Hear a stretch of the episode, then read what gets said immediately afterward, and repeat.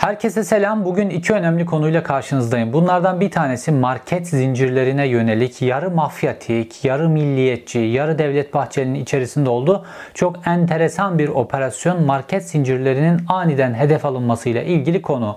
Bu konu içerisinde ne kadar sıcak para var, bu konu içerisinde ne kadar mafya var ve son dönemde mafya neden sürekli olarak market zincirlerine el atıyor ve sürekli mantar gibi ortaya çıkan ve bir anda kaybolan market zincirleri bize neyi gösteriyor? Bir bu konuyu ele alacağız.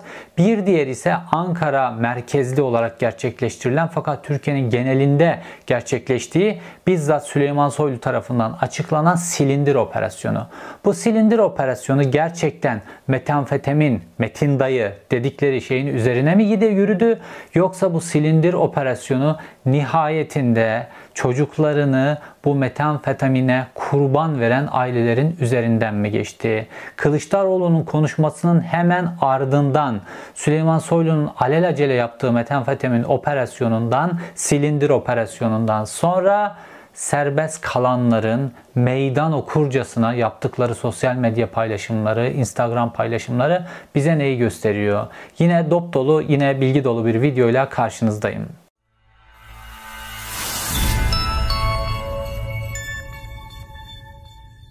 Metamfetamin ve uyuşturucu konusu genel olarak uyuşturucu konusu son yıllarda Türkiye'nin ana gündem maddelerinden bir tanesi. Çünkü Türkiye'nin tarihinde olmaz şeyler oluyor. Türkiye'ye tonlarca kokain sevk edildiğine ilişkin haberler uluslararası medyada yer alıyor.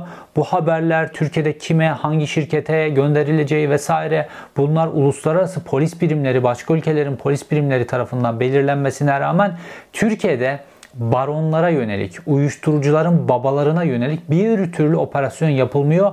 Yıllardır kime operasyon yapılıyor? Sürekli olarak torbacılar alınıyor. Sürekli olarak torbacılar alınıyor. Fakat Türkiye'de en kolay şey torbacı bulmak. Çünkü o kadar çok işsiz insan var ki burada önerilen rakamlarla torbacı bulmak çok kolay.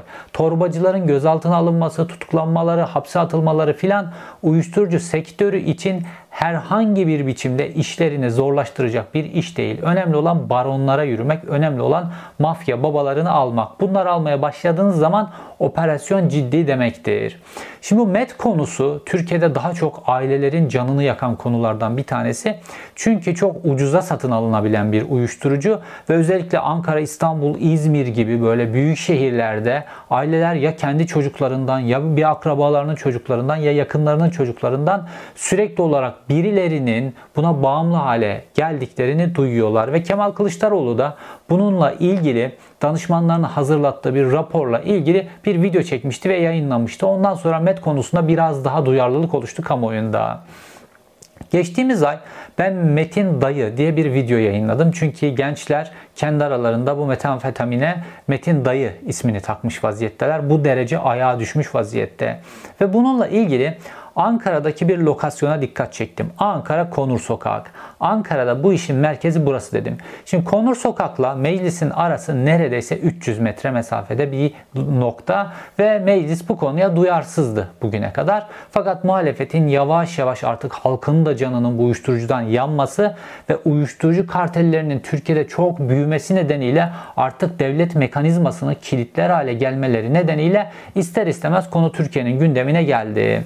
Şimdi bu Konur Sokağı'nın üzerine ben iyice yoğunlaştıktan, dikkat çektikten ve iki ailenin Konur Sokağı tamamen neredeyse kontrolleri altına aldıkları, oradaki kafelerin, oradaki mekanların, özellikle gençlerin takıldığı mekanların pek çoğunu kontrolleri altına aldıkları, bu paraları da yine o gençler üzerinden nasıl akladıklarına ilişkin detaylı biçimde bu videoda anlattım.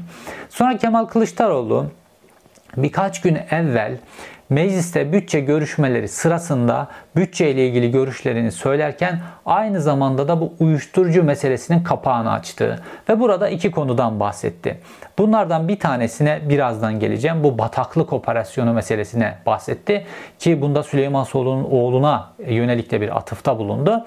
Bir de bu metamfetamin konusuna değindi ve o kadar konunun artık yaygınlaştığını söyledi ki herhangi bir şehirde bir taksiciye gittiğinizde ben bunu nereden bulurum dediğinizde taksici size yol gösterecektir. Nerede satıldığını gösterecektir. Noktasına kadar geldi. Çünkü sigara bir paket sigaradan bile daha ucuz şekilde bulunabilen bir materyal halinde.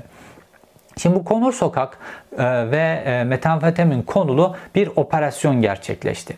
Fakat bu operasyon detaylarına gelmeden önce bu bataklık operasyonu ile ilgili Kılıçdaroğlu'nun söylediği neydi? Ve bu Süleyman Soylu'ya dokununca Süleyman Soylu neden aniden bu e, silindir operasyonu denen operasyonu böyle hemen alelacele yaptırdı? Bunun detayına gelmeden önce bataklığa gelelim.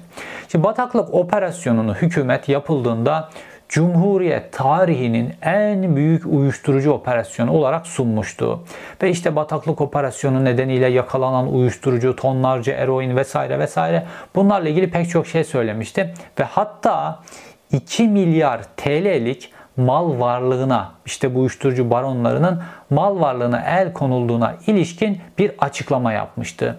Ve baktığımızda da operasyon hakikaten büyük. Şimdi Kılıçdaroğlu şöyle bir şey söyledi. Dedi ki bu bataklık operasyonunu Türkiye Cumhuriyeti'nin en büyük operasyonu olarak sundunuz. Rakamlara bakınca da öyle gözüküyor. Fakat bu operasyondan tutuklu olanların hepsini taksit taksit saldınız ve şu an bu bataklık operasyonu nedeniyle cezaevinde tutuklu bulunan hiç kimse yok dedi. Ve lafı şuraya getirdi. Bu bataklık operasyonlarında ismi geçenlerden birisine Süleyman Soylu'nun oğlu kendi aracını kullandırdığı için Süleyman Soylu'nun aracı Süleyman Soylu'nun oğlunun aracı durduruluyor ve araçta bir arama yapılıyor. Şimdi bu emniyet tarihinin en böyle önemli krizlerinden böyle dikkat çeken krizlerinden bir tanesidir. Çünkü Süleyman Soylu kudretli bir İçişleri Bakanı iken ve o zaman daha Sedat Peker süreçleri falan yok. Süleyman Soylu hiç yıpranmamış. Ta İstanbul Emniyeti'nin başında Mustafa Çalışkan var. O zaman Süleyman Soylu'nun oğlunun aracı durduruldu ve araçta narkotik araması yapıldı. Bu Süleyman Soylu'ya yönelik bir mesajdı. İstanbul Emniyet Müdürü Mustafa Çalışkan Süleyman Soylu'ya şu mesajı gönderdi. Oğlun ve senin uyuşturucu baronları ile olan bağlantılarını biliyoruz. Şimdi Mustafa Çalışkan Erdoğan'a yakın, Berat Albayrak'a yakın bir emniyet müdürü olarak bilinirdi. Ve bundan sonra Süleyman Soylu o adama kafayı taktı. Fakat o zaman daha e, Sedat Peker'in yıpratma süreçleri o yok bu yok Süleyman Soylu güçlü. Taktı taktı taktı sonra Mustafa Çalışkan'ı İstanbul Emniyet Müdürlüğü'nden aldırdı. Ki bu aldırma sürecinde Mehmet Ağar'la da geçici bir ortaklık kurdu. Ve Mehmet Ağar'ın adamı Tayyip Erdoğan da hani Süleyman Soylu'nun adamı gelmesin de Mehmet Ağar kendisiyle daha yakın geçmişten beri Mehmet Ağar'ın adamı gelsin diye Ondan sonra şu anki e, İstanbul Emniyet Müdürü Zafer Aktaş'ı getirdi oraya koydu ve şu an İstanbul Emniyeti Mehmet Ağar'ın kontrolünde. Fakat bu olay çok büyüdü. Ta Silivri Emniyet Müdürü'nün intiharına kadar olay gitti. Çünkü çok inanılmaz baskılar olmuştu, olmuştu, bu olmuştu vesaire. Ve hakikaten de Süleyman Soylu'nun oğlunun aracının arandığı yalanlanmadı. Narkotik operasyonuna uğradığı yalanlanmadı. Normalde bir İçişleri Bakanı'nın oğlu narkotik operasyonun hedefi olursa o İçişleri Bakanı bir dakika koltukta duramaz. Fakat Süleyman Soylu'nun öyle şeyler ortaya çıktı ki hani artık böyle Süleyman Soylu'yu devirebilecek büyüklükte bir skandalı ben tahayyül dahi edemiyorum. Süleyman Soylu'nun devrilmesi artık bir skandala bağlı olarak değil. Başka siyasi dengelere bağlı olarak Süleyman Soylu'nun pozisyonunu kaybetmesi mümkün olabilir. Çünkü skandal eşiğini aştık yani. Buradaki duyarlılık eşiğini öylesine aştık ki ne olabilir de devrilebilir diye düşünüyorum. Düşünüyorum aklıma artık hiçbir şey gelmiyor. Şimdi bataklık operasyonundaki kişilerin bir biçimde Süleyman Soylu'yla, hükümetle bağlar olduğu, yargıyla vesaire, yargıyı satın aldıkları, emniyeti satın aldıkları vesaire bunlarla ilgili çok şey konuşuluyordu.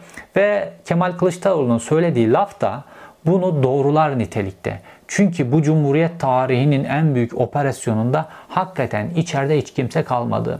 Şimdi Kılıçdaroğlu bunu söyleyip de Süleyman Soylu'yu hedef alınca ertesi gün emniyet devreye girdi. Şimdi Emniyet Genel Müdürlüğü ne? Özellikle işte bu basın birimi vesaire buralara e, A Haber'den insanlar filan dolduruldu biliyorsunuz. Dolayısıyla burası artık böyle hükümetin, daha doğrusu hükümetin değil, siyasi bir partinin, Adalet ve Kalkınma Partisi'nin adeta basın bürosu gibi hareket etmeye başladı emniyet. Ve hemen Kemal Kılıçdaroğlu'na cevap yetiştirdiler ve savunmalar şu şekilde. Evet işte bataklık operasyonu şöyle başarılıydı, böyle başarılıydı. 2 milyar TL'lik mal varlığına el konuldu. O oldu, bu oldu. Fakat bu adamların hepsi serbest bırakıldı. Çünkü yabancı ülkeler bu operasyon uluslararası da boyutu olan bir operasyon olduğu için yabancı ülkeler bizim çok talep etmemize rağmen bu kişilerle ilgili belgeleri zamanlarında zamanında göndermediler. Yargıda işte böyle çok hızlı yürümedi o yüzden. Ondan sonra Türkiye'de de tutuklulukla ilgili süreler var filan. Dolayısıyla bu kişiler serbest bırakıldı. Bu şekilde bir savunma yaptı. Şimdi böyle başka mevzuya gelince bu dış ülkeler filan batı ülkeleri işte onların narkotik operasyonu ile ilgili bilgiler, Türkiye gelmekte olan kokainlerle ilgili operasyonları filan bunlar hep batının oyunu oluyor. Hep Amerika'nın oyunu oluyor filan. Ama bu operasyona gelince herkesin serbest bırakılmasının sebebi de yine onlar oluyor. Oysa ki bu operasyonla ilgili bilgilerin paylaşılması, hazırlanması aşaması vesaire burada Türk emniyetiyle e, Avrupa Emniyet Birimleri, Amerika Birleşik Devletleri'nden emniyet ortaklaşa çalışmışlardı. Fakat dediğim gibi taksit taksit hissettirmeden bataklık operasyonundaki herkesi tereyağından kıl çeker gibi kurtardılar ve Kemal Kılıçdaroğlu da buna dikkat çekti. Şimdi bu ve oğluna yapılan atıf Süleyman Soylu'nun şartellerini arttırdı, attırdı daha doğrusu ve alelacele bir operasyon yapması gerekiyordu imajını toparlamak için. Şimdi gelelim konunun diğer tarafına. Şimdi bu MET ile ilgili Ankara Meyse 300 metre dediğim gibi bir merkez haline gelmiş durumda. İzmir'de, İstanbul'da pek çok yer artık internette forumlara düşmüş vaziyette. Rezillik diz boyu. Ve bunu kimin yaptığı, hangi mesela taksicileri kullanıyorlar evlere servis için.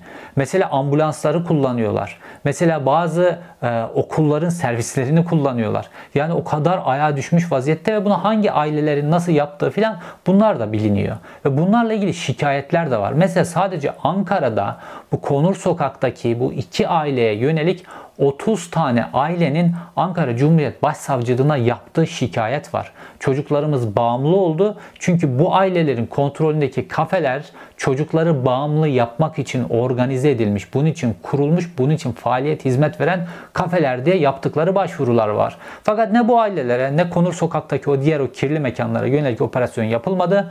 Konur Sokak'taki gerçek esnaf kana alıyor. Konur Sokak'a giden, yolu oradan geçen gençlerin aileleri tedirginlik içerisinde Ankara'nın göbeği fakat bir operasyon yapılmadı. Kemal Kılıçdaroğlu'nun met videosundan sonra benim Konur Sokak'a dikkat çekmeme rağmen bir operasyon yapılmadı ama baskı arttı. Süleyman Soylu'ya yönelik baskı arttı. Mecliste de Kemal Kılıçdaroğlu çok etkili biçimde bir konuşma yaptı ve bu konuşmasında doğrudan bağlantıları nasıl uluslararası mafya baronlarının Türkiye'de 7 kere varlık barışı, parayı nereden getirirsen getir barışı demek aslında bu varlık barışı. Bu 7 kere bu varlık barışı yasasının çıkartıldığı, bu sayede Avrupa'daki dünyanın çeşitli ülkelerindeki bütün mafya baronlarının paralarını alıp Türkiye'ye getirip nereden getirdin diye artık sorulmadığı için bu yasalar nedeniyle Türkiye'deki bankalara yatırdıkları paraları da Türkiye'de olunca kendilerinin de Türkiye'ye geldiği ve İstanbul'un uluslararası mafya için bir merkez haline geldiği sonrasında da İstanbul'un sokaklarında uluslararası mafya liderlerinin birbirlerini öldürecek noktalara geldiğini filan detaylı biçimde benim onlarca videomda anlattığım şekilde detaylı biçimde Kılıçdaroğlu meclis kürsüsünden anlatınca Süleyman Soylu zaten son günlerde imajı çok kötü durumda bir savunma hamlesi yapması gerekiyordu. Şimdi dikkat edin. Adalet ve Kalkınma Partili herhangi bir bakanla ilgili bir eleştiri olsun. Orada bir Adalet ve Kalkınma Partili milletvekili, AKP'ye yakın bir gazeteci, ondan sonra bir düşünce kuruluşu üyesi vesaire olsun hemen o bakanla ilgili savunmaya geçer. Tayyip Erdoğan'a bir eleştirisini savunmaya geçer. Adalet ve Kalkınma Partisi'nin eleştirisini savunmaya geçer. Fakat Süleyman Soylu'yu yatırsınlar falakaya demediklerini bırakmasınlar ne bir AKP'li milletvekili savunuyor artık ne bir AKP'li gazeteci savunuyor, ne bir think tank kuruluşundan kişi savunuyor. Bir iki milletvekili var böyle merkez sağ böyle kökenleri olan falan böyle başka şeyler. Onlar böyle Süleyman Soylu'yu savunuyorlar. Onun dışında Süleyman Soylu ile hareket etme potansiyeli olan kişiler de bunlar. Bunun dışında kimse savunmuyor Süleyman Soylu. Dolayısıyla yalnız. Süleyman Soylu artık imajını toparlayabilmek için yalnız imajıyla ilgili hamleler kendisinin yapması lazım. Kılıçdaroğlu bunu böyle yere sokunca, bütün oğlu moğlu her şeyi gündeme getirince ertesi gün daha bir gün bir günde jet gibi bir operasyon hazırlattı Süleyman Soylu. Bunun adını da silindir operasyonu koydu. Ve operasyon 50'ye yakın ilde gerçekleşmiş. İşte merkez üssü Ankara bilmem ne falan. Sonra 400 kişiyi gözaltına aldık filan. Normalde 502 hedefe yönelik operasyon 400'ünü gözaltına aldık diye Kılıçdaroğlu'nun açıklamasının ertesi günü Süleyman Soylu sabahın köründe medyanın karşısına dikildi. Yani Kılıçdaroğlu konuştuktan sonra saatler içerisinde emirler yağmış, fırçalar atılmış, küfür kıyamet olmuş, jet hızıyla operasyon hazırlanmış ve Süleyman Soylu çıkıp kendisini kuru kuruya savunmadı. Çıktı böyle işte bir silindir adı da inanılmaz büyük bir at. Silindir operasyonu yaptık ve işte 502 hedefe yönelik 400 tanesini gözaltına aldık. Böylesine devasa bir operasyon. Operasyonun adı güzel. Operasyonun başladık noktalar da fena değil. Demek ki zaten emniyetin elinde bununla ilgili bilgiler var. Yapmıyor operasyon. Ve Ankara'da da bu bahsettiğim metamfetaminin merkezi, Mettay'ın merkezi Konur Sokak hedef alındı. Ve Konur Sokak'tan bir sürü insan toplandı. Ondan sonra işte Ankara'da bile 50'den fazla insan filan alındı sadece Ankara'da. Bu 400 kişinin filan 50 tanesi Ankara'da. Sabahın köründe bütün isimler alındı. Fakat operasyon öylesine alelacele yapılmış, öylesine delillendirilmemiş, öylesine deliller, kişiler, suçlar arasında bağlantı kurulmamış ki operasyon sabah yapıldı. ikindi saatlerinde bu böyle lider takımı diyebileceğimiz kişilerin hepsi serbest bırakıldı savcılıktan. Neden biliyor musunuz? Çünkü savcının önüne emniyet tarafından bu kişileri tutuklamaya sevk edecek, 4-5 gün gözaltında tutmaya getirebilecek kadar delil yoktu. Ne yaptılar? Sadece böyle üzerlerinde böyle işte 20 gram, 100 gram, 200 gram işte o satan satış yapan torbacılar var ya. Böyle üzerlerinde çıkanları o torbacı takımından bir kısmını tutukladılar. 50 kişi kadar kişiyi tutukladılar. Gerisi serbest Türkiye'nin hemen her yerinde. Ankara'da 10 kişi filan böyle tutuklandı. Gerisini serbest bıraktılar. Çok az kişi tutuklandı Ankara'da. Ve ikindi saatlerinde Barbaros ailesi diye bir aile var. İşte bu Konur Sokağı ele geçiren ailelerden bir tanesi. İkindi saatlerinde Instagram hesaplarından bir fotoğraf paylaştılar. Fotoğrafta şu yazıyor. Hevesleriniz kursağınızda kaldı çok mutluyuz. Sabah saatlerinde gözaltına alınan ailenin üst düzeyleri ikindi saati olduğunda serbest bırakılıyorlar. Ve Süleyman Soylu'nun açıklamasına bakarsanız bir yıllık bir hazırlığın neticesinde yapılmış bir operasyon diyor. Düşünün hazırlık bir yıl sürmüş fakat gözaltı 6 saat sürüyor. 6 saatte bunlar serbest kalıyor. Çünkü savcının önüne bir şey koymanız lazım ki bu gözaltıyı devam etsin. Bakanın zoruyla ondan sonra acil operasyon diye emniyetten savcılığa baskı yapılmış. Savcılık da mecbur bu acil operasyon ne olabilir filan izin vermiş. Sonrasında altı boş. Çünkü bir gecede kotarılmış operasyon. Peki ne oldu biliyor musunuz? Bütün mağdur müştekiler deşifre oldu. Yani silindir met satanların üzerinden geçmedi. Mağdur müşteki ailelerin üzerinden geçti. Çocukları bağımlı olmuş ailelerin üzerinden geçti. Nasıl mı? Şimdi operasyonla ilgili emniyetin elindeki böyle yegane bilgiler aileler gelmiş bu Konur Sokak'ta dönen hadiselerle ilgili şikayetçi olmuşlar. Ve sabahın köründe de İçişleri Bakanı çıkıp da böyle bizzat kendisi silindir vesaire diye açıklayınca aileler bir araya geliyor, mağdur müştekiler bir araya geliyor, avukatlarıyla vesaire görüşüyorlar. Ve nihayetinde bu aileler dediğim Konur Sokağı kontrolünde tutan aileler uzun süre gözaltında kalsalardı 4 gün filan ve bunlar tutuklanmaya sevk edilecek kadar delilli biçimde bu operasyon yapılsaydı çok daha fazla aile Konur Sokak'taki çok daha fazla mekan sahibi, bu konuları çok daha fazla bilen kişiler filan savcılığa geleceklerdi. Ellerindeki deliller daha daha art, artıp bu adamları hukuki açıdan içinden çıkılmaz bir noktaya sokacaktı ve pek çok gencin hayatı kurtaracaktı. Fakat şu an aileler ne duruma düştü biliyor musunuz? Mağdur müştekiler. Şimdi bakan çıkmış açıklama yapmış. İkindi vakti adamlar, liderler serbest kalmışlar. Bir de nispet yaparcasına Instagram paylaşımı yapmışlar. E şimdi aileler ne düşünür? Artık hiçbir aile gidip şikayet olur mu? Şikayetçi olur mu? Zaten çocukları bağımlı olmuş, başları belaya girmiş çocuklarıyla uğraşıyorlar. Bir de gidip şikayetçi olacaklar ve deşifre olacaklar bu şekilde. Sonra bir de bu belalı adamları başlarına salacaklar. Şimdi silindir kimin üzerinden geçti? Silindir bu ailelerin üzerinden geçti. Şimdi Kemal Kılıçdaroğlu'nun o konuşmada açıkladığı bir şey var. Diyor ki Türkiye-İran hattında diyor 50 milyar dolarlık uyuşturucu pazarı var. İşte bu mettur, eroindir, esrardır vesaire vesaire. Ve diyor ki Kemal Kılıçdaroğlu bu devletin resmi raporunda var diyor. Ve o rapordan bir alıntı yapıp okuyor orada. Şimdi böyle geçmişte bazı haberler çıkardı böyle. Türkiye ile İran arasındaki ilişkiler işte geliştikçe Türkiye ile İran arasındaki iş hacmi 50 milyar dolara çıkacak diye haberler çıkardı. Ve bu 50 milyar doların içerisinde de 1000 tane 10 bin tane ticaret kalemi mal vardır aslına bakarsanız. Türkiye'nin ekonomisini güçlendirecek. Fakat ilişkileri bu noktaya gelmesini bırakın Suriye meselesi vesaire birçok sebeple 50 milyar dolarlık bir para ortaya çıktı ama bu uyuşturucu meselesinden ortaya çıktı ve bu devletin resmi raporlarına kadar yansımış vaziyette. Ve nihayetinde bu büyüklükte para devlet mekanizmasını inanılmaz biçimde bozdu. Devlet mekanizmasını bu mafya gruplarına operasyon yapamaz. Hatta bu mafya gruplarının Instagram storylerinde dalga geçilecek hale düşmesine neden oldu. Bunun detaylarına da birazdan geleceğiz. Fakat şimdi bu mafyanın bu e, üç harfli marketler, market zincirleriyle ilgili aktivitelerine gelelim. Çünkü bu uyuşturucu vesaire bunların bütün alanlardaki kontrolleri de bu hadiseden çok da bağımsız değil. Devlet Bahçeli bu üç harfli marketler işte BİM, A101 vesaire bunları böyle çok bunları hedef aldı bir anda. Ve Devlet Bahçeli bunları hedef alınca aslında böyle siyaset mekanizması da gazeteciler de bunları çok anlamadılar. Çünkü bu marketlerin sahipleri böyle baktığımızda Adalet ve Kalkınma Partisi iktidarından çok da uzak insanlar değiller.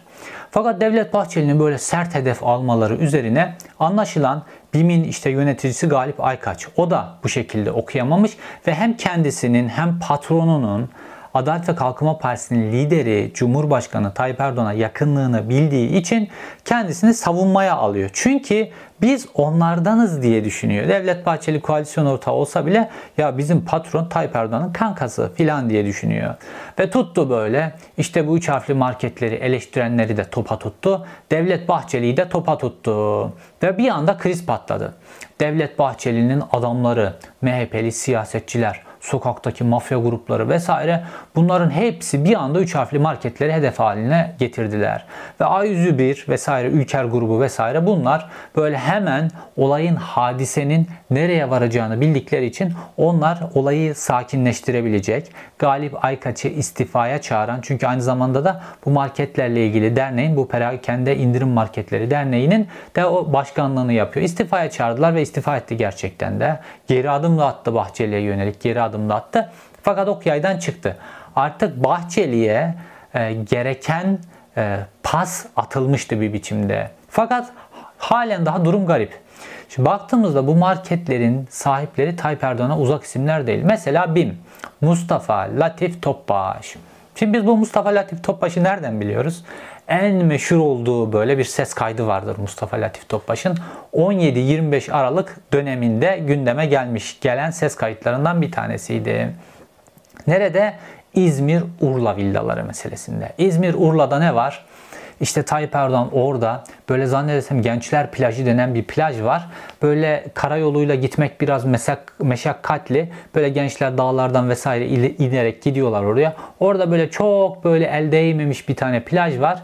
Ve böyle çok tesis mesis de yok böyle. Orada işte havlularını seriyorlar vesaire. Orada böyle tertemiz gençler için olan bir plaj ve sit alanı çivi dahi çakamazsınız. O sit alanının yanında da birkaç köylünün atadan, babadan, dededen kalmış arazileri var. Şimdi bu süper bir koy. Bir tarafında bir dağ var, bir tarafında bir dağ var. O iki dağın üzerine tel örgüleri çektiğinizde, o dağ arazilerinde satın alıp tel örgüleri çektiğinizde işte doğal tesettür plajı oluyor. Hiç kimse sizi göremez. Dolayısıyla da Başbakan Erdoğan'ın eşi, kızları, damatlarının e, kızları neyse işte bütün o mahremler orada istedikleri gibi denize girerler vesaire. Mükemmel bir arazi. Böyle U şeklinde bir arazi. Ve orada ki ses kayıtlarında, Urla villaları ile ilgili ses kayıtlarında Mustafa Latif Topbaş, Tayyip Erdoğan'ın kızı Sümeyye Erdoğan ve Tayyip Erdoğan arasında geçen ses kayıtları vardı. Şimdi orada şunu görüyoruz işte bu. BİM'in patronu Mustafa Latif Topbaş'la Tayyip Erdoğan arasındaki ilişkiyi, Tayyip Erdoğan'ın onu nasıl kontrol ettiği ve onun da Tayyip Erdoğan'a nasıl yedirdiği ile ilgili ilişki. Şimdi hadise şöyle oluyor. Mustafa Latif Topbaş gidiyor önce oradaki o köylülerin elindeki arazileri alıyor. Hatta oradaki bir kadının arazisini vermemek için çok direniyor filan araziyi birleştirmek istiyorlar filan. Kadını zorluyorlar daha çok para veriyorlar vesaire vesaire araziyi alıyorlar. Fakat sonra arazinin e, üzerine çivi çakamazsınız. Çünkü sit alanı. Fakat izinsiz, mizinsiz orada başlıyorlar. Bir tane Tayyip Erdoğan için, dört tane de çocukları için villalar inşa etmeye. Zaten Tayyip Erdoğan hep böyle. Kısıklı'da bir kendine dört çocuğuna villa. Urla'da bir kendine bir dört çocuğuna villa. İşte bir yerde yayla evi var. Onun yayla bölgesi. Orada bir kendine dört çocuğuna. Her yerde bir kendine dört çocuğuna villa yapıyor. Bunlar yetmedi yetmedi bir aşamaya geldi. Şimdi her yerde kendisine saray yapıyor. Ankara'da saray, Ahlat'ta saray, orada saray, burada saray. Hiç ölmeyecekmiş gibi. Gidip oralarda kaldığı bile yok doğru dürüst biliyor musun? Fakat o sahip olmak, böyle o sahip olmak duygusu Tayyip Erdoğan böyle İstanbul'da Emniyet Mahallesi'nde 3 artı 1 böyle çok mütevazi bir evde artık o böyle nasıl böyle bir kıskançlık duyduysa böyle diğerlerine bir şeyleri olan insanlara böyle gidip oturmasa da o yayla evinde Urla'daki orada burada oturmasa da zaten tatilini lüks otellerde geçiriyor. Oraya da gittiği yok doğru Ama onlara sahip olma duygusu böyle. O içindeki açlık böyle sürekli onu tatmin etmek istiyor. Ve gayet ve Mustafa Latif Topbaş da orada bu inşaatları yapıyor. Tabi dönemin İzmir valisi devlet adamı burası sit alanı filan diyor. Burayı mühürletiyor. izin vermiyor filan. Ve Mustafa Latif Topbaş Tayyip Erdoğan'ı arıyor. Diyor ki ya böyle böyle vali izin vermiyor. Tayyip Erdoğan aynen şöyle ses çıkarıyor. Hu böyle bir ses çıkarıyor gerçekten telefonda. O tapeleri dinleyin internette bulabilirsiniz. Çünkü şok oluyor ya bu burayı benim yaptırdım falan biliyor vali. Ya vali istersen değil kim olursa kim olursa olsun yani. Valiyi bağlayan şey kanunlar mahkemeler, oranın sit alanı olduğuna ilişkin çevre kurullarının verdiği raporlar vesaire valiyi Cumhurbaşkanının malı mülk olması bağlamaz. Cumhurbaşkanının hiçbir şey bağlamaz. Cumhurbaşkanının emri bile kanuna uygunsa uygular vali. Bürokrat budur. Fakat Valiyi ondan sonra valiyi değiştirdiler, onu yaptılar, bunu yaptılar vesaire. Orada inşaatları devam ettirdiler. Hatta orada böyle çok da böyle magazinel olan bir ses kaydı vardı. Sümeyye Erdoğan'la Latif Topbaş sonra da Tayyip Erdoğan arasında geçen bide meselesi. Şimdi artık Latif Topbaş o kadar bıktırmışlar ki o villalarla ilgili. Sümeyye Erdoğan bir taraftan, diğer kardeşleri filan falan, belki Emine Erdoğan filan. Latif Topbaş artık bıkmış. Sümeyye Erdoğan bir de tuvalete bide istemiş. Şimdi bir de bir de kavramını biz o zaman ilk defa duyduk. Çünkü böyle bir e, aparat o aparat klozetin yanına işte ya da normal Alaturka tuvaletin yanına takılıyor. O aparattan böyle tazikli suyla böyle işte taharet, temizlik filan alıyorsunuz. Ondan sonra normal Türkiye'de işte maşrapa, şu bu filan ya da işte klozetlerde Türkiye'de zaten otomatik sistem var Türkiye'deki klozetlerde. Açıyorsunuz su geliyor vesaire. Fakat bir de bir de Şimdi bir de meselesi bir anda meşhur oldu. Google'da herkes girdi o dönem bir de yarıyor bir de ne falan fiş. Aynı şekilde Latif Topbaş da artık inşaat bitmiş, onun yeniden orada bir değişiklik yapılması filan. Koskoca BİM'in patronu. Adam bununla uğraşmak istemiyor fakat uğraşıyor. Tayyip Erdoğan'ın kızı. Yani adam artık Tayyip Erdoğan arıyor Mustafa Latif Topbaş. İşte diyor ki ya diyor Sümeyye Erdoğan işte bir de bir de istemişti filan diye böyle lafın arasında geçiriyor. Tayyip Erdoğan'dan bir destek istiyor orada. Tayyip Erdoğan da diyor ki bir de ne diyor. Ondan sonra o da işte anlatıyor ona bir de şudur budur. Ya işte normal olsun diyor. Normal tuvalet olsun diyor. İşte klozette ya da Alaturka tuvalette su nereden geliyorsa normal olsun filan diyor. O da tamam efendim seviniyor filan. Adam sevindirik oluyor. Ondan sonra bir de filan takmıyor. Neyse ondan sonra bir sürü plaja gerilecek bilmem şey falan bir sürü hadise. Sonunda o villalar sit alanına kaçak yapıldı. Oralara tel örgüler çekildi o dağlar böyle. Ondan sonra yollar kapatıldı. Ve gençler o plaja gidemez oldular. Tayyip Erdoğan'ın özel malı mülkü oldu o plaj. İnsanlar normalde plajlar halka açık. Plajların hepsi kamunun malı. Fakat Türkiye'de hiç plajları göremezsiniz bazı yerlerde. Oteller kapatmış. Ondan sonra bu tip böyle villalar kapatmış. O bu kapatmış. Normalde plajlar halkın malı. Ama yok gidemiyorsunuz böyle. Kanuna rağmen de giremiyorsunuz. Böyle böyle bazen kilometrelerce plajı göremiyorsunuz. Böyle birileri kapatmış böyle. Bu şekilde bir hadise. Neyse. Şimdi Latif Topbaş bu derece Tayyip Erdoğan'la yakınlığı tapelerde internete düşmüş bir adam. Muhalefet de bunu biliyor. Herkes bunu biliyor. Bürokrasi bunu biliyor. Kamuoyu biliyor. Filan ama gelin görün ki Devlet Bahçeli BİM'i de içine katarak hepsini birden hedef aldı. Şimdi buradan biz ne anlıyoruz? Biz buradan şunu anlıyoruz. Tayyip Erdoğan Devlet Bahçeli'ye bu konuda yol vermiş. Şimdi Devlet Bahçeli ve Tayyip Erdoğan'ın Türkiye'yi yönetme şekli şu şekilde. Türkiye'yi paylaşmışlar. Şimdi Devlet Bahçeli ekibi bunlar aç. Ve Tayyip Erdoğan ve ekibi var. Bunlar onların devletten, halktan, kamunun malından, mülkünden, bu mafyatik organizasyonlardan neyse nemelanmasına izin veriyor. Devlet Bahçeli de bürokrasideki kadrolarını, emniyetteki kadrolarını, onu bunu kuvvetini, ükücülüğün geçmişten beri gelen kuvvetini ve kadrolarını Tayyip Erdoğan'a tepe tepe kullandırtıyor. Öyle bir zaman öyle kullandırtıyor ki Tayyip Erdoğan gidiyor Abdullah Öcalan'ın kardeşini TRT'de canlı yayına çıkartıyor. Buna bile Devlet Bahçeli hiçbir şey demiyor. Geçmişte bununla ilgili böyle bir şey yapsa Tayyip Erdoğan söverdi Devlet Bahçeli. Ama buna bile bir şey demiyor. Neden? Çünkü esas olan mama. Esas olan mamadır. Ülkücü kadroların, MHP kadrolarının doyurulmasıdır. Bu esastır. Şimdi Türkiye'de diğer ülkelerden farklı olarak bu milliyetçilik, vatanseverlik ve devletçilik mafyanın tekelindedir. Türkiye'de böyle ağzından ben devletçiyim, ağzından ben milliyetçiyim, ağzından ben vatanseverim diye kim düşürmeye de bakın mafya grupları düşürmez. Türkiye'de mafyanın böyle ideolojisi olmuş. Normalde böyle diğer ülkelerde filan böyle farklıdır. Böyle adamların milliyetçilikle, devletle, devletçilikle filan mafya gruplarının kendi gündemi vardır. Para vesaire. Fakat Türkiye'de mafya ile ideoloji böyle mix olmuş. Ondan sonra bunlar böyle inanılmaz milliyetçi, devletçiler filan. Bütün mafya grupları biz devletçiyiz, biz milliyetçiyiz. Devlet adına iş yaparlar bunlar sürekli böyle. Böyle imajlar verirler filan. Türkiye'de böyle. Dolayısıyla Milliyetçi Hareket Partisi ile bu mafya grupları böyle birbirinin içine girmiş vaziyetteler. Ve Türkiye'de mafya artık o kadar büyüdü ki para o kadar büyüdü ki kazanılan mafyatik faaliyetlerden kazanılan para o kadar büyüdü ki yasaların olanca gevşekliğine rağmen bu paraların sistemin içerisine sokulmasında sıkıntı yaşanıyor. Ve bu sebeple nakitin çok döndüğü sektörler bu mafyatik gruplar, milliyetçi mafyatik gruplar için cazibe merkezi ve bu sektörlerde hakim olmak durumundalar. Şimdi hep anlattım ya demir çelik sektörü. Demir çelik sektöründe bu Erol Evciller vesaire bu mafyatik gruplar neden etkin olmak istiyorlar? Çünkü Türkiye'de nakit sıcak paranın her şeyin nakitle alınıp verildiği yegane sektörlerden bir tanesidir ve günde böyle yüz milyonlarca dolar döner bu e, demir çelik sektöründe. Dolayısıyla burada hakim olmak o parayı aklama açısından da son derece mühimdir. Bir de ne var? Gece kulüpleri. Kimin hangi masada ne kadar harcadığının bilinmediği gece kulüpleri ve marketler.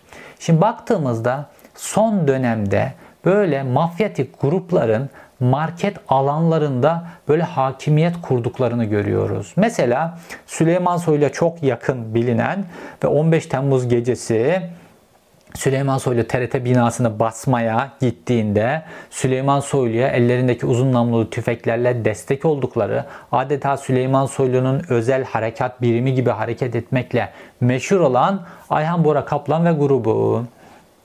Bunlar Ankara'da Elmacı Market denilen bir market zinciri satın aldılar. Ayhan Bora Kaplan. Ankara'daki herkes bilir. Elmacı Marketler zinciri Ayhan Bora Kaplan'ındır. Sonra bu marketler zinciri büyüdü, büyüdü, büyüdü.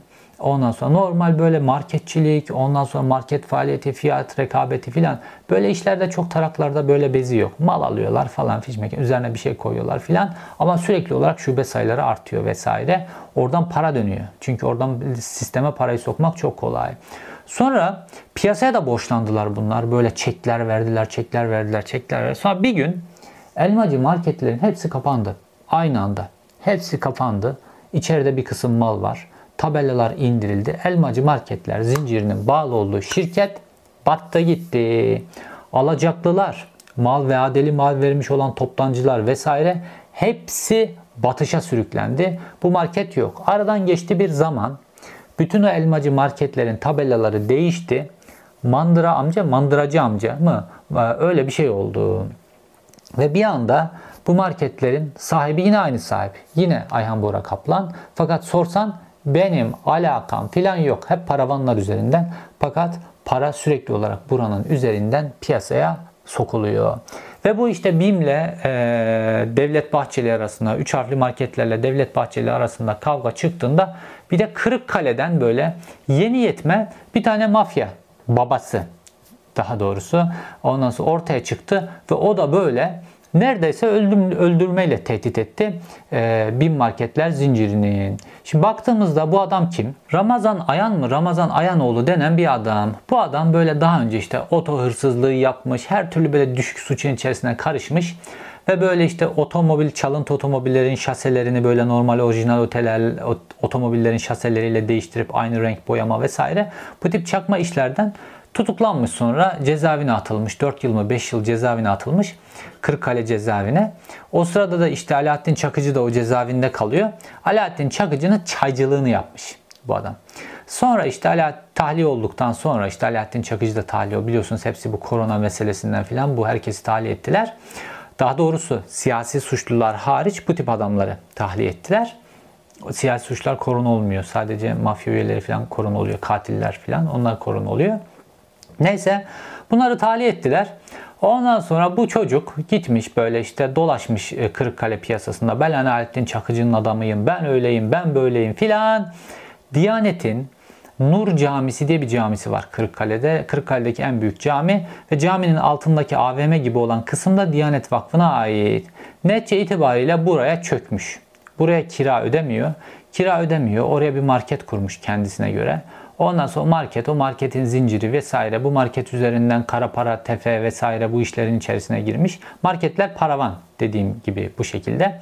Abisi işte abisinin üzerinde başka bir isimde market kurmuş filan. Böyle imajları bir görsen Osmanlı böyle sürekli Türklerin geçmişte kurdukları devletler böyle atlar, yeniçeriler, onlar bunlar sanki market açmıyor da Yeniçeri Ocağı savaşa girecek bir şey açıyor. Sanki bana patates soğan satmıyor da ne yapıyor? Böyle bir hava böyle. Bir ofisler yapmış kendilerine. Her yerler altın maltın filan. Görgüsüzlük, düşük zevk, basitliğin dibi. Böyle bütün kolpa, kolpa kelimesi var ya tam bunlar için böyle oluşturulmuş, icat edilmiş bir kelime. Tam böyle bir tip. Fakat piyasaya Alaaddin Çakıcı'nın adamıyım diye yaymış ve bununla yürüyorsun. Nam böyle olunca. Şimdi Alaaddin Çakıcı da işte Ankara'ya geldiği bir zaman işte çaycısı cezaevinde az çay vermemiş filan. Bu çaycısını ziyaret etti. Tabi bu çaycısını ziyaret etti ya. Bu adam aldı. Bunun videosunu yaptı. 30 tane kamera açısından çekim yapmış. Fotoğrafları, onlar, bunlar. YouTube kanallarına para verip bunları yayınlattırıyor vesaire vesaire. Kendisini böyle bir de Sedat Peker gibi kürklü bir mont giymiş filan. Kendisini adeta küçük Sedat Peker, küçük Alaaddin Çakıcı ica, e, ilan etmiş böyle kendisini. Tam bir kolpa. Fakat bu marketleri üzerinden işte böyle büyük mafya gruplarının para aklama işlerini yapan bir ayakçı yine aynı zamanda. Şimdi bu bile çıktı bu adam bile böyle BİM'in patronuna lan senin BİM'in iki tane şubesi kadar senin ciron yok. Ondan sonra BİM'in patronuna filan bunların bütün marketlerini kapattıracaklarmış falan. Çünkü bir anda rantı gördüler. Ha burada bizimkiler bir şeye çökecek. 3 harfli marketlerin bir kısmına çökecekler ya da bu 3 harfli marketlere sağlam bir fatura kesecekler. Çünkü başka türlü bu tip böyle ülkücü mafya tip gruplardan kurtulmak mümkün değil. Bunu gördükleri için herkes payını istiyor şu anda. Ve 3 harfli marketler de işte bunlar da kendilerini bir şekilde anlatıyorlar. Ya biz %4 e, karla çalışıyoruz Happy Top'u zaten. Ve böyle işte bu discount indirim marketler vesaire var ya bu Almanya'daki Aldi, Lidl vesaire bunun kopyası aslına bakarsanız. Bunlar çok güçlü tedarik zincirleri kurarlar. Bu güçlü tedarik zincirleri sayesinde de diğer marketlerin kendileriyle rekabet edemeyeceği e, fiyatlara, mallara erişirler. Ayrıca kendileri de bazı markalar, kendi marka kendilerine ait içecek markalarından başka markalara ait markalar da yaparlar. Ve bu tedarik ve böyle her yerde bayiler olması sebebiyle de bu discount marketler en çok satışın yapıldığı marketlerdir. Ve Almanya'da da Aldi ve Lidl bunun kralıdır aslına bakarsanız. Türkiye'deki bu iki market de eğer kurulmamış olsaydı bu Almanya'daki Aldi, Lidl Türkiye'deki piyasayı da kontrol edecek kadar bu zinciri kurardı. Fakat Türkiye'de işte bu üç harfli marketler tuttular. Fakat aynı modeli e, kopyaladılar ve baktığımızda bunu artık o kadar çok televizyon, gazete haber yaptı ki artık tekrar ediyorum ama böyle aynı malları gidiyor aynı marka bir de aynı malları gidiyorlar BİM'den alıyorlar. İşte diğer üç harfli marketlerden bir tanesinden alıyorlar. Sonra gidiyorlar aynısını Tarım Kredi Kooperatifi var ya Tayyip Erdoğan'ın her şeyin süper ucuz olduğu devlete ait Tarım Kredi Kooperatifi oradan alıyorlar. Oradan aynı sepette 20, 30, 40, 50 lira daha ucuza geliyor. Çünkü bu tedarik zinciri ve özel sektör mantığıyla başa çıkmak mümkün değil. Fakat bunu kime anlatıyorsunuz? Adamlar gidiyorlar BİM'in önünde bilmem mehter marşı çalıyorlar. A101'in önünde bilmem bayrak açıyorlar. Şehitler ölmez, vatan bölünmez diye bu marketlerin önünde sloganlar filan atıyorlar. Fakat mesele ne? Mesele rant ve mesele Tayyip Erdoğan siyasi gündemi. Şimdi Tayyip Erdoğan seçimler yaklaşırken pahalılığın faturası için Tayyip Erdoğan'a bir günah keçisi lazım. Ve bu günah keçisini oluşturmakta Devlet Bahçeli Tayyip Erdoğan'a süper hizmet ediyor bu işte. Günah keçisi oluşturacak kadar böyle akıldan uzak mantıkla ona bu fiyatların artması, enerji fiyatlarının artması, dünya genelinde enerji fiyatlarının artması nedeniyle gıda fiyat bunların hepsini bir tarafa atıyor. Bu üç harfli marketleri şeytan icat ediyor Devlet Bahçeli. Onun üzerine gidiyor ve kendi sokaktaki adamları işte bu bimlerin, marketlerin, camların çerçevelerini aşağı indirmeye kadar her şeyi yapıyorlar. Bunları yapıyorlar. Tayyip Erdoğan burada sessiz kalıyor. Ha Tayyip Erdoğan bu kendisine yakın olmalarına rağmen bu gruplar neden sessiz kalıyor? Çünkü onlara da el altından demiştir. Ya çok da bu işleri şöyle böyle filan yapmayın. Bu seçim meçim filan işleri filan bunu söylemiştir Tayyip Erdoğan. Ve Tayyip Erdoğan açısından bu seçimde kullanılacak bir propaganda. En az kendisine oy veren %30 bir kemik kitle var. Bunun %10'unu bu pahalılığın sebebini bu marketlere bağlayıp oradan elinde tutarsa günün karı. Artı muhalefet de vesaire bunlar da işte başka konular üzerinden bu hayat pahalılığını, geçim sıkıntısını vesaire konuşurlarsa ve hükümetin yanlış ekonomik politikaları ile ilgili bu konuyu analiz etmezlerse, kritik etmezlerse Tayyip Erdoğan için kısa günün karı. Burada bir tane mafya grubu oradan sebeplenmiş bilmem şu kadar para kazanmış. Devlet Bahçeli ve MHP'nin böyle o aç kadroları vesaire bunlar şu kadar para kazanmış vesaire. Bu Tayyip Erdoğan için bunda değil. Tayyip Erdoğan parayı daha doğrusu çökülen pastayı paylaşma konusunda acayip iyidir böyle. Herkese payını verir ki hani Sedat Peker'in bir lafı vardı ya bu mafyatik bu hesaplaşmalar içerisinde harama hile katmayın derdi. Sedat Peker şöyle açıkladı bunu. Ya yaptığımız şey zaten haram bir de buna hile katmayın derdi. Çünkü mafya grupları arasında bu yağma içinde birisi hak etmediği oranı alırsa bunlar para için kan akıtırlar. Hiçbir şey için kan akmaz ama para için karşı karşıya geldiler mi mafya grupları? İşte orada silahlar çekilir. Çünkü para taviz verilmeyen bir konudur. Şimdi Tayyip Erdoğan da burada hile katmıyor. Adamlar bununla ona bu hizmeti veriyorsa MHP'liler onların payını hak ettiklerinden de fazla veriyor. Onlar bu alanı yağmalayacaklar. Bu açık. Tayyip Erdoğan onlara yağma alanını açacak. Onlar da seçimde Tayyip Erdoğan'a bu hayat pahalılığı ile ilgili böylesine bir hayat öpücüğü verecekler. Özetle hadise bundan ibarettir. Hadise market sektöründe kara parayı aklamakla ilgilidir ve hadise Tayyip Erdoğan'ın siyasi amaçlarının yerine gelmesiyle ilgilidir. Fakat Türkiye'de mafya öylesine büyük bir noktaya geldi ki, öylesine güçlendi ki mafya grupları artık dokunulmaz noktaya geldi mafya grupları. Çünkü bunu daha önceki videolarımda da anlattım. Mafya belli bir kuvvete ulaştığında ve bu kuvvete ulaştırma sürecinde bürokrasiyi, güvenlik bürokrasisini, yargıyı zayıflatırsanız mafya öyle bir hale gelir ki devletler mafyayla başa çıkamaz hale gelirler. Çünkü devlet maaşını verdiği savcıdan, hakimden, polisten görevini yapmasını beklerken, maaş karşılığı görevini yapmasını, dürüst olmasını beklerken bu adamlar bozulan bürokratik sistem nedeniyle ve hakim oldukları inanılmaz büyük ekonomik güç nedeniyle adamın önüne milyon doları koyarlar savcının önüne. Bazen bir davadan yırtabilmek için. Çünkü bu tip kara para kazanılan alanlarda paranın önemi yok yani. Bazı durumlarda parayı saymıyorlar bile biliyor musunuz? Çuvala dolduruyorlar. Parayı kiloyla tartıyorlar. Kiloyla tartıyorlar. Para o kadar fazla vaziyette ve haydan geldiği için paranın değeri de yok. Bu adamlar için tek önemli şey lüks hayatlarını devam ettirmek, bürokrasi ayağında, yargıda, poliste dokunulmazlık. O nedenle çuvalla parayı getirir savcının önüne koyar ve bu operasyonu yaptırmaz. Ve devlet o savcıyı operasyonu yaptıracak noktaya getiremez. Çünkü adam mesleğinden bile, meslekten atılmayı bile göze alabilir. Öylesine hayatı boyunca kazanamayacağı parayı bir anda karşısında, masasında görüyor. Dolayısıyla bunları böyle güçlendirirseniz mafya gruplarını artık durduramazsınız. Türkiye'de hadise bu noktaya kadar gelmiş vaziyette. Mafya gruplarının bu daha önce de açıklandı. Mafya gruplarının emniyet müdürleri var. Mafya gruplarının savcıları var. Mafya gruplarının hakimleri var. İş bu noktaya kadar geldi. İzlediğiniz için teşekkür ederim. Bir sonraki videoda görüşmek üzere.